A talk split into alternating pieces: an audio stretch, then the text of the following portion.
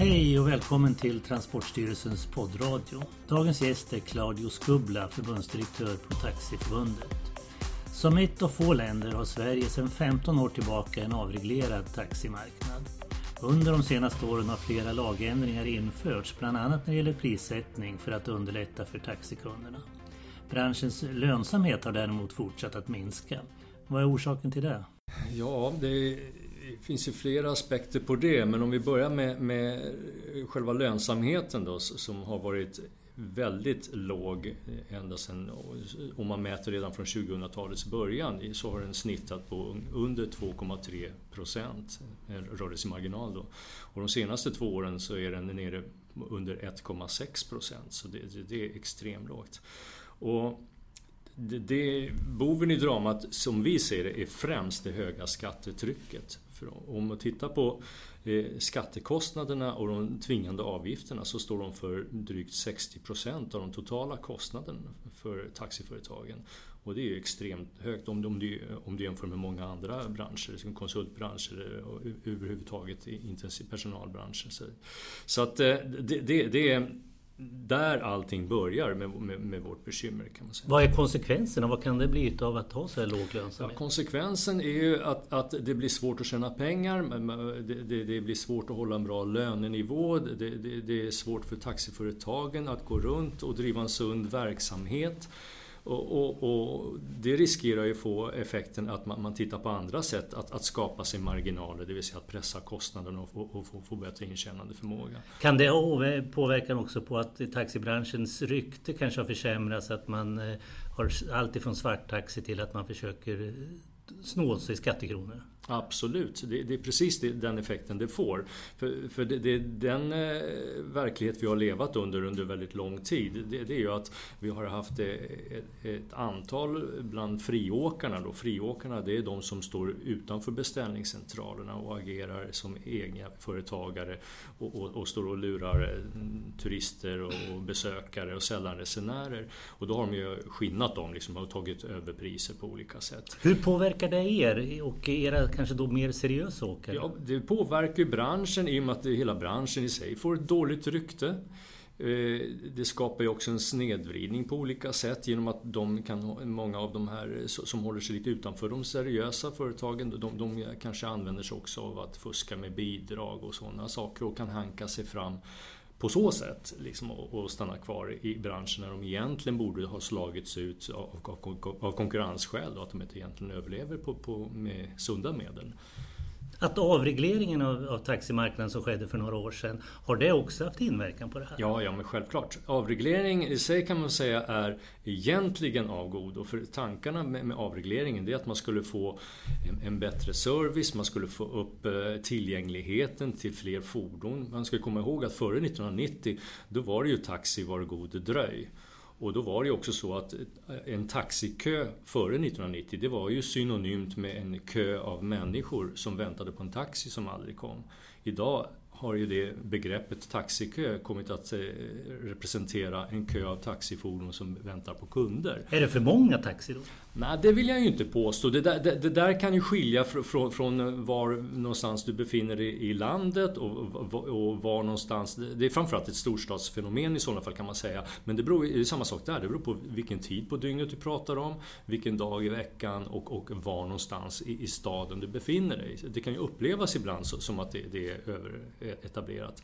Men tittar man statistiskt sett så är det inte på det sättet. Antalet fordon har ju ökat eh, sedan avregleringen. Men det har ju också befolkningen gjort. Så tittar du på fordon per capita så är det en blygsam ökning som egentligen bara motsvarar att det har blivit lite bättre tillgänglighet för kunderna. Om man tittar till eh, konsekvenserna då utav avregleringen, finns det både för och nackdelar som du ser det i den eller är det bara nackdelar? Nej, alltså ren, för, ur kundperspektiv så finns det ju många fördelar. Och, och, och, det är ju just den här tillgängligheten vi pratar om. Och man har lyckats hålla eh, kostnadsnivån för att åka med taxi relativt eh, konstant. Den har ju inte ökat eh, så värst mycket. Om du, om du jämför med till exempel kollektivtrafikbranschen. Vi befinner oss i Stockholm då med SL till exempel. SL-kortets utveckling är betydligt, eh, har en betydligt kraftigare ut, utveckling än, än vad taxibranschen har och taxipriset. Så att, så att att sett ur de aspekterna så är det absolut jättebra. Vad man kan säga från avregleringen, det, det, var att den avregleras totalt och man släppte det helt fritt 1990. Och vad man, vad man sa då från både regering och riksdag, det är att det här förutsätter att man har också en tillsyn som fungerar. Så att man kan hålla koll på detta. Och det är någonting som vi har kritiserat eh, hela tiden, det är att vi har inte haft en tillsyn värd namnet. Och, och, det har vi arbetat stenhårt med ända sedan eh, 1990 med att få till olika typer av kontrollverktyg för myndigheterna. Ni har många myndigheter som utövar tillsyn över, är det det som är problemet? Det Tänker på polis. Nej, egentligen, är, egentligen är det ju ytterst polisen som, som, som man har ju olika ansvarsområden mm. för de här myndigheterna. Och, men de måste ju samverka. Och, men eh, Skatteverket försöker göra på sitt sätt och, och Transportstyrelsen har ju det övergripande ansvaret men är egentligen en skrivbordsmyndighet idag kan man väl säga. Det har ju Arbetsförmedlingen och, och Försäkringskassan och så vidare. Men, men ytterst så är det ju polisen som har det yttersta ansvaret ute på gator och vägar och det är där du måste kontrollera. För att om inte polisen eh, tar det här eh, ansvaret på allvar och prioriterar taxi ute på, på, mm, mm, på gator och vägar då har ju inte de övriga myndigheterna någonting att gå på. De får ju inte in någon input. Tycker du att polisen prioriterar det? Absolut inte. Absolut inte. Och, och, risken är att det blir än värre nu när man monterar ner trafikpolisen helt och fullt. Och eh, det har ju varit bekymmer även tidigare när man har prioriterat andra saker. Eh, vi vet ju att eh, när man nu väljer att, att eh, från polishåll att kontrollera yrkestrafiken så prioriterar man ju den tunga yrkestrafiken. Och det beror ju på att man har e EU-direktiv som, som styr den tunga yrkestrafiken. Men, där, men taxi då har ju nationell lagstiftning vilket gör att då, då omfattas inte taxi av, av, av den eh, granskningen. Så att säga. Så om man tittar på det vi pratar om, regelefterlevnad som myndigheterna nu ska titta på, så kan den som inte vill följa reglerna simma ganska lugnt Ja, det finns ju en risk för det. Vi, vi, vi är ju på här, våra myndigheter, hela tiden liksom, med, att de måste uppmärksamma och, och, och, styra upp det här på olika sätt. Och, och, det kan man väl säga att polisen har väl gjort ändå sina försök. De har ju haft sådana här samverkansinsatser tillsammans med övriga myndigheter där de tittar liksom, till exempel i samband med sol, Elitloppet i Solvalla eller när det kommer in eh, stora fartyg i, i Värtahamnen. Då kan de ju göra en, en punktinsats där och, och stängsla in och beta av alla fordon som finns på plats. Och då vet vi erfar erfarenhetsmässigt och i vår dialog med polisen att då hittar de ju väldigt mycket saker. Eh, så, så oegentligheter på olika sätt. Och, och, I de här sammanhangen så finns det oftast mycket friåkare och, och, och, nu ska jag inte dra alla friåkare över en kam men, men inom den eh, kadern så finns det en del som, som beter sig illa. Och, och, och de finns ju oftast med i de här sammanhangen och då hittar de ju väldigt mycket äh, saker faktiskt. Och då kan man ju tycka att utifrån den aspekten att man hittar väldigt mycket när man gör en punktinsats då borde man kanske ta, se det som en liten uppmuntran till att fortsätta att granska taxi men det gör man ju inte då utan prioriterar annat. Du lyssnar till Transportstyrelsens poddradio, ett samtal med Claudio Skubla som är förbundsdirektör på Taxiförbundet. För att komma till rätta med den här som vi kallar då svarttaxi eller där man försöker runda reglerna så finns det någonting som ni pratar er varma för, det är redovisningscentraler. Vad är det för någonting? Redovisningscentraler är egentligen en eh, datacentral, eller en serie datacentraler kan man säga, dit tanken är att alla taxametrar ska tömmas eh, sina data till regelbundet. Och det är en fråga som vi har drivit länge, för vi menar som så att de åkerier som har transportöravtal med beställningscentraler, de får sin information från taxametrarna tömda till beställningscentralerna kontinuerligt varje dag, liksom löpande. Och det innebär ju att, och det här gör ju beställningscentralerna för de behöver ju ha kontroll över sina åkare och förare för att kunna redovisa gentemot upphandlad trafik och de vill ha koll på pengarna. Men då har du den här gruppen eh, 25-30% friåkare som inte kör och inte har transportöravtal för, för, eh, transportöravtal för ett, eh, en beställningscentral. De sparar inte den här dokumentationen eh, på samma sätt. Och det finns ingenting i lagstiftning som säger att man, man måste göra det. Det är därför vi har velat få till redovisningscentraler som innebär att, att alla fordonstaxametrar som är taxiregistrerade då, som har taxametrar ska tömma sin information till, till, till redovisningscentraler. Och det i sig skulle göra det transparent för myndigheterna, för Skatteverket framförallt, då, på att på ett enkelt sätt få tillgång till dokumentation om, om, om, redovisning. Skulle du vilja ha lagstiftning på det här? Ja, det blir lagstiftning på detta. Det, det är sagt, nu, nu är det sagt att det ska kom, träda i kraft den 1 januari 2017 något som heter lag om redovisningscentraler som ska hantera just det här. Är det en lösning på problemet? Det är en lösning på problemet så tillvida att det blir eh, jämlikt för all, alla taxiföretag att de ska tömma sin information till, till redovisningscentraler. Eh, däremot så, så, så, har vi i digitaliseringens spår nu sett att det, det kommer in eh, nya element på marknaden som, som gör det möjligt att kringgå detta. Så redan innan det är infört så kan man kringgå det? Ja, det, det, det är lite eh, ska man säga, antiklimax här eftersom redovisningscentraler är någonting som man har diskuterat med om ända sedan mitten på 90-talet. Ja, det fanns ju med i, i den här stora branschsaneringsutredningen från 97, tror jag, 96-97 eh, som ett förslag redan då och det har man ju hållit på och diskuterat framlänges och baklänges genom åren. Och, eh, så det, man kan ju säga att det, det, som var högintressant då är ju fortfarande intressant idag. Bekymret är hur ska man hantera detta i, i ljuset av den nya tekniken som, som växer fram i snabb takt, alltså i digitaliseringens spår. Så att säga. Och, och redovisningscentralerna i sig Eh, Eh, är ju inget bekymmer utan frågan är vad som händer med, eh, med eh, hur man ska tanka över information till redovisningscentralen. Vilka som ska göra det och varifrån så att säga. När, när, när det även kommer in appar och, och, och Facebook-beställningar, andra typer av, av, av kanaler. Det låter som den här avregleringen vi en gång fick är tillbaka så att vi får än mer reglering utav taxiverksamheten. Är det en rätt bild av verkligheten? Ja, om du pratar om lag om redovisningscentraler och, och, andra typer av lagstiftningar som kommer till så, så är det ju regleringar i olika former. Det, det kan man ju absolut säga. Det, och det, även den här prisinformationsdekalen som sitter på bilarna och, och att man ska ha taxiförarlegitimation. Det är ju for, olika former av regleringar som har tillkommit efter avregleringen 1990. Och då kan man naturligtvis säga att ju mer man reglerar desto större, mer öppnar man upp för, för attraktionskraften att hitta andra sätt att eh, kringgå lagstiftningen naturligtvis och kanske jobba svart och, och, och på olika sätt. Du lyssnar till Transportstyrelsens poddradio, ett samtal med Claudius Gubbla på Taxiförbundet. Och eh, du nämnde tidigare nya sätt att beställa taxi och då har ni fått en ny konkurrent därifrån som började i Kalifornien och där man brukar prata om delningsekonomi. Jag tänker då på Uber som kör taxi på ett helt annat sätt och tar upp beställningar på ett helt annat sätt än vad normal eller vad traditionell taxi gör. Hur ser du på Ubers verksamhet och dem som konkurrenter?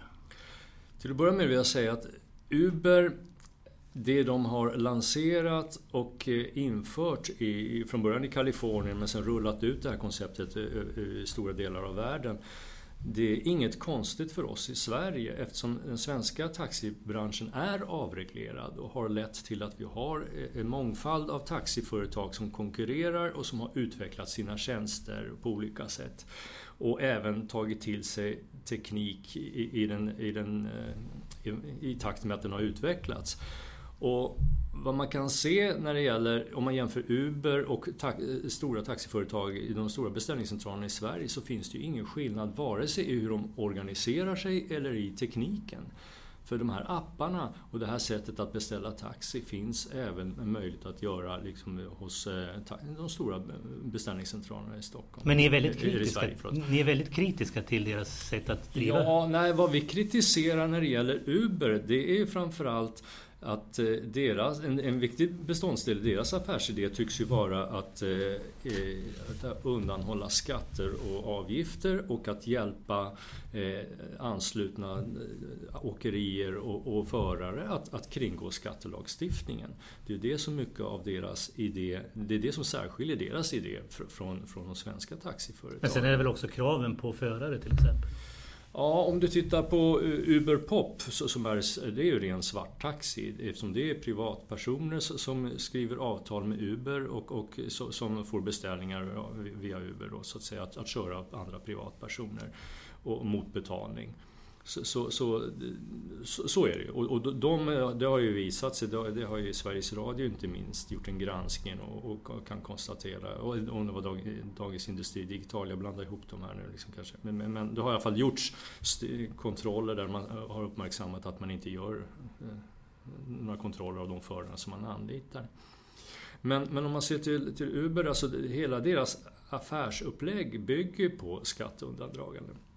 För om du ser liksom som, som eh, person då, som kund, för att kunna åka med Uber POP då pratar vi om då, svarttaxi. Då måste du registrera ditt kontokort hos Uber och det gör du inte hos eh, eh, Uber i Sverige AB utan det gör du hos deras dotterbolag, dotterbolag i Holland, i Amsterdam. U, U, deras dotterbolag Razier heter det då. Och på samma sätt gör föraren som, som ska börja köra för Uber, de skriver ett avtal med Uber i Holland. Och sen när du som kund då reser med Uber och beställer, då gör du en beställning som går till Uber i Holland och, och, och som beställer, eh, knyter ihop det med, med en eh, utförare, en förare så att säga. Eh, när resan är genomförd så drar kontokortsföretaget pengar från ett kort och skickar dem direkt till Holland. och där behåller Uber en andel och skickar tillbaka resten till och sätter in det på ett konto hos föraren i Sverige eller i något annat land beroende på vad han, vilket, vad han har angivit för bankkontonummer. Där finns det ju en transparent. Kunden får ju ett kvitto, visserligen utan moms, och föraren får redovisning. Men ingenting av detta landar hos, eh, blir transparent eller möjligt att, att, att kontrollera hos eh, myndigheterna i Sverige. Tycker du myndigheterna har varit för tandlösa mot dem? Absolut. Här måste polisen ut och, och spana. De, de, måste sätta till alla resurser de kan. Det här är oerhört viktigt för att det här är ju inte bara en, en taxifråga. Det är långt ifrån en taxifråga. Utan vad är det som säger att den här tekniska möjligheten inte kan användas i andra branscher? Menar, det var en tidsfråga innan vi ser det inom byggbranschen till exempel. Menar, Uber gör ju öppet reklam, oförblommerat säger de har du en egen bil, börja tjäna pengar redan ikväll. De kan ju lika gärna börja göra reklam för har du en e-, egna verktyg, börja tjäna pengar redan idag. Eller, det, det, det, frågan är var vi landar med, med vår välfärd i slutändan. Det är det, det är det som är allvaret i det här. Om, om vi eroderar den här skattebasen liksom, och, och, och Eh, moral, skattemoralen, vad händer då med vårt samhälle? Vem är det till slut som ska svara när, när vi ringer 112? Kommer det finnas någon i andra änden? Alltså det, det, det är allvarligt. Du lyssnar till Transportstyrelsens poddradio, ett samtal med Claudio Skubla på Taxiförbundet. Vi pratade inledningsvis om den dåliga lönsamheten som finns i, inom, taxiförbund, inom Taxiförbundets verksamhet. Eh, en fråga som har dykt upp här som du har pratat om tidigare är det här med hur upphandlarna av kollektivtrafik fungerar. Ni skulle vilja vara kollektivtrafik i den meningen att man ska utnyttja taxi. Hur skulle man kunna göra det? Ja, alltså taxi har ju på något vis hamnat lite, lite i skymundan. Den finns ju inom den särskilda kollektivtrafiken så, så man upphandlar ju eh, färdtjänst, skolskjuts och, och, och sjukresor. Och, och, ser man totalt sett till, till hela Taxis verksamhet så står den upphandlade trafiken för ungefär 50 procent. Eh, men när det gäller den allmänna kollektivtrafiken, den som gemene man eh, använder sig av i vanliga fall, där finns ju inte taxi med alls, vilket kan tyckas lite märkligt. I alla fall sett i ljuset, eh, om man ser till de utmaningar som vi har i samhället idag. Liksom vi har ju dels den här miljöpåverkande situationen, liksom där vi måste se över hur vi kan minska miljöpåverkan. Men vi har ju också trängselproblematik men sen har du också den demografiska utvecklingen med en åldrande befolkning som behöver mer, eh, mer stöd och, och, och sjukvård och vård på olika sätt. Eh, det kommer ju att kosta på i samhället. Och då måste man ju börja vända på pengarna lite grann. Och av hävd så, så, när man har upphandlat kollektivtrafik så har det ju varit eh, bussar i storstäderna, spårvagn, tunnelbana och så vidare. Men, men man har inte tänkt in taxi här. Och då ska man ändå komma ihåg att stora delar av Sverige är landsbygd och även i storstadsregionerna så finns det mycket landsbygd. Och då har man ju ändå valt att eh, av hävd, eller av, av, av, man har gått i gamla hjulspår helt enkelt och upphandlat bussar oavsett om det har funnits underlag och efterfrågan för det eller inte. Vilket gör att på vissa tider på dygnet eller i vissa områden, eller både och, så, så, så, kanske det bara är ett fåtal resenärer som sitter på en stor buss som åker fram och tillbaks i linjebunden trafik. Och det här menar vi här har man ju som upphandlare ett ansvar mot medborgarna, mot skattebetalarna, att, att se till att pengarna används så effektivt som möjligt. Och då borde man ju tänka utbudsorienterat och funktionsorienterat. Det vill säga att man borde ju bara köra fordon när det finns en efterfrågan och man borde ju bara köra, och så borde man anpassa då fordonen till, till, till antal resenärer. Och här skulle taxi kunna bidra jättemycket. Skulle det kunna betyda mycket för era medlemsföretag? Ja, det, det, blir ju naturligtvis eh, att, att eh, deras marknad kan växa. De, de får, får, fler körningar naturligtvis. Men, men om man ser det ur ett medborgarkundperspektiv så handlar det ju om att eh, om du tar som Storstockholms, eh, till exempel med Stockholms läns landsting här nu som planerar att skära ner en, en hel del busstrafik i, i, i de mindre kommunerna i, i, vid landsbygden, Ekerö, Norrtälje, Värmdö och, och man, ute, man, man, överger egentligen medborgare som bor i de här områdena. Istället borde man sätta in mindre fordon som anropsstyrs. Det skulle kunna vara så att man behåller linjetätheten men man kör bara ett mindre fordon när det finns någon som hör av sig och vill resa. Det skulle man ju kunna halvera kostnaderna för, för, för kollektivtrafiken på, på, på, på, de orterna. Och eh, antingen så får man eh, lägre kostnader eller också kan man använda de besparingarna till att sätta in mer trafik där det, där det verkligen behövs. Du har lyssnat till Transportstyrelsens poddradio Samtal med Claudius Bubbla på Taxiförbundet. Och har du synpunkter på innehållet så är det bara du mejlar till kontakt transportstyrelsen.se. Och jag heter Anders Lundblad. Hej då!